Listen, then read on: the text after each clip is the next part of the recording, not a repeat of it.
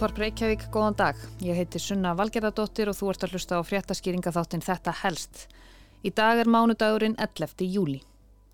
Riðu þólinn söðfjárstofn verður rektaður er fyrirsögn fréttaskýringar í nýjasta tölublaði bændablaðsins. Nú hefur verið staðfestanar í 130 íslenskar kindur bera ákveðnar arfgerðir eru þannig byggðar í genónum að þær eru verndaðar gegn riðu. Búið er að marka þá stefnu meðal þeirra sem stýra ræktunarkerfi söðfjár á Íslandi að rækta upp söðfjárstofn sem er ónæmur gagvart reyðu og gera það hratt.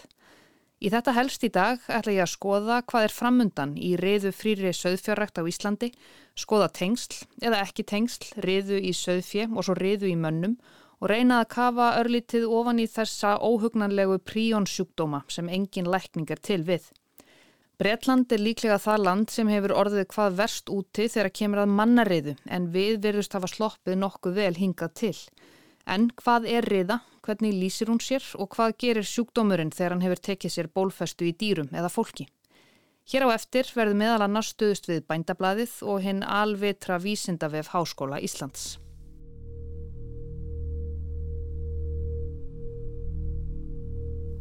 Enkenni riðusjúkdóma í fólki eru skjálti og doði í útlimum, sjónskerðing, minnisleysi, persónuleikabreitingar, taugaveiklun, taugakippir, hláturrókur, vitglöp, lömun og endanum dauði. Við riðusjúkdómum er engin lækning. Allir sem hafa greinst með mannariðu í heiminum eru með sérstaka arfgerð sem nær helmingur hvita kynstofnsins ber með sér. Spurningin er hins vegar hvort þau sem bera aðra arfgerð geti einnig síkst og ef svo er hvort meðgöngutímin geti þá verið lengri og sjúkdómsmyndin önnur. Því er ógerlegt á þessu stígi að spá fyrir um það hver margir hafi síkst af mannariðu og hver margir eiga eftir að veikjast. Kindariða er langvinnur, bannvætn og ólæknandi smittsjúkdómur í söðfjö sem veldur hörnun í heila og mænu. Veikinn leiðir kindina stundum til dauða á fáum vikum eða á skemmri tíma. Enkenni eru meðal annars kláði, taugaveiklun, skjálti og lömun. Þau koma oftast fram á innan við 5 árum frá smiti.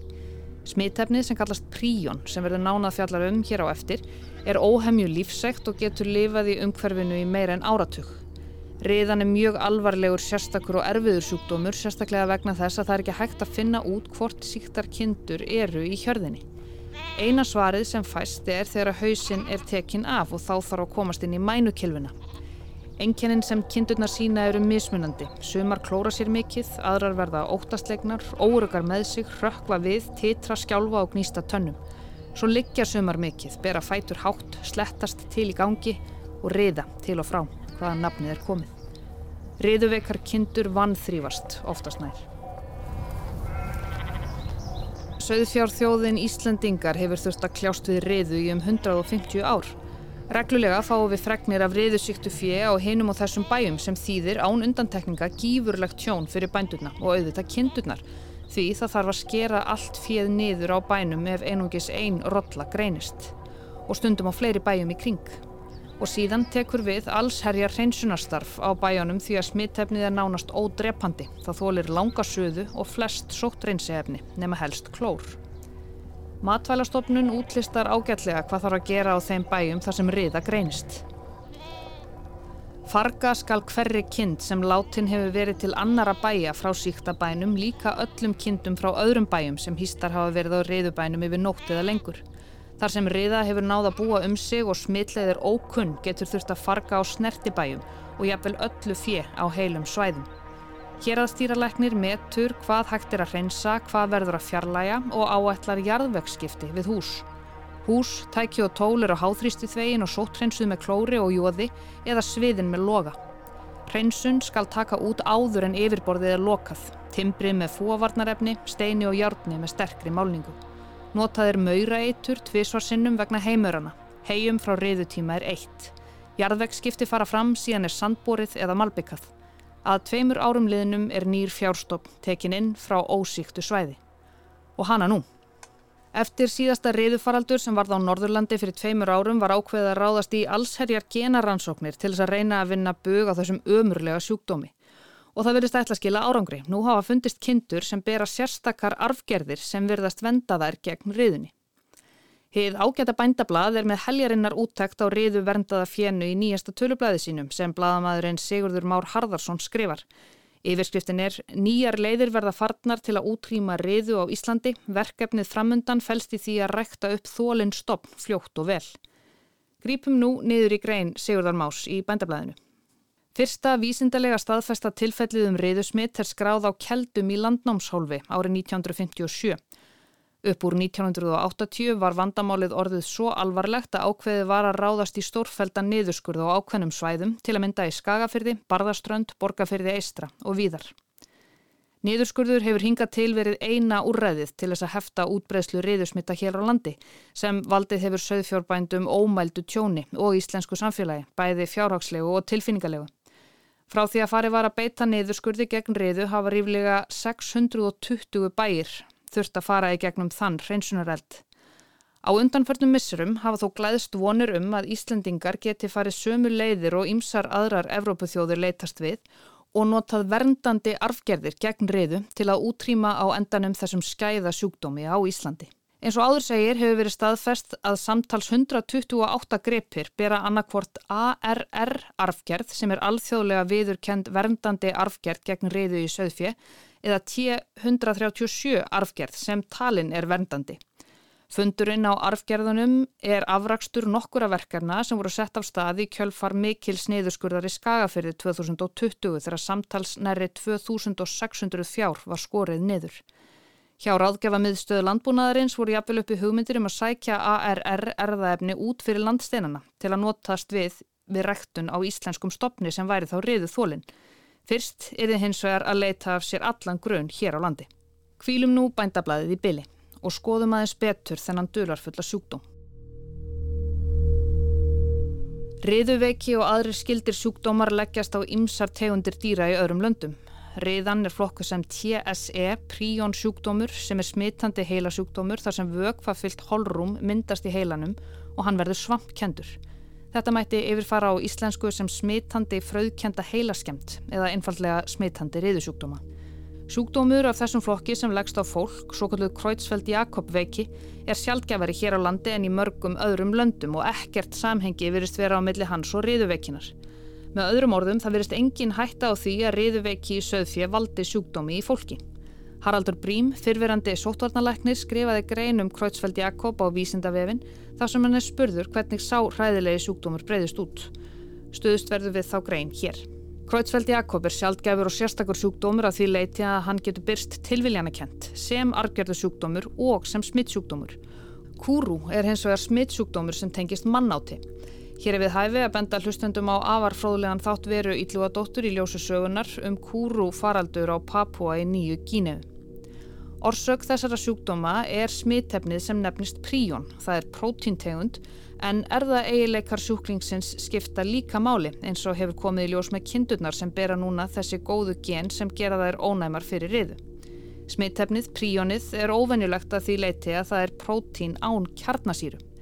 Kjarnasýrur hafa hingað til verið taldar einnkjana allt líf, þar með talið örverur og sníkjudýr sem venjulega smitta menn og dýr. Þegar príón tekur sér bólfestu í taugafrömmum manna eða dýra fer af stað bannvæn keðjuverkun sem markfaldar eitruð prótín í frumunum. Sumir vísindamenn hafa líkt ferlinu við myndun kristalla í náttúrunni. Hinn er ægi fóru sextrendu kvartskristallar vaksa úr vökva þegar atóm ná að taka sér sérskipu sæti á ákveðnum flötum í kristallnum. Þegar samhljómi er náð, vex kristallin lag fyrir lag á óralöngum tíma. Og það sama gerist þegar príón fer í heilavið. Þau hlaðast upp í sérskipuð sæti og mynda pínulitla kristalla einskonar í heilavef og mænu með hryllilegum afleiðingum. Sjúkdómannir ganga stundum undir heitinu malarheili eða gravel brain á einsku. Þótt margt sé á huldu um smittandi reyðusjúkdóma er nokkuð vitað um smittleðir þeirra og hefur það stundum duga til að hefta útbreyslu þeirra. Útbreysla kúru í nýju Gínu var stöðuð 1956 með því að fá innfæta til þess að hætta mannáti En það er sem betur fyrir ekki útbreytt vandamál. Eftir að kúariðan uppgötvaðist í Breitlandi á miðjum nýjunda áratug 20. aldar hættu breytar að fóðra jórturdýra á kjöt og beinmjöli sem var unnið úr dýrarhægum jórturdýra.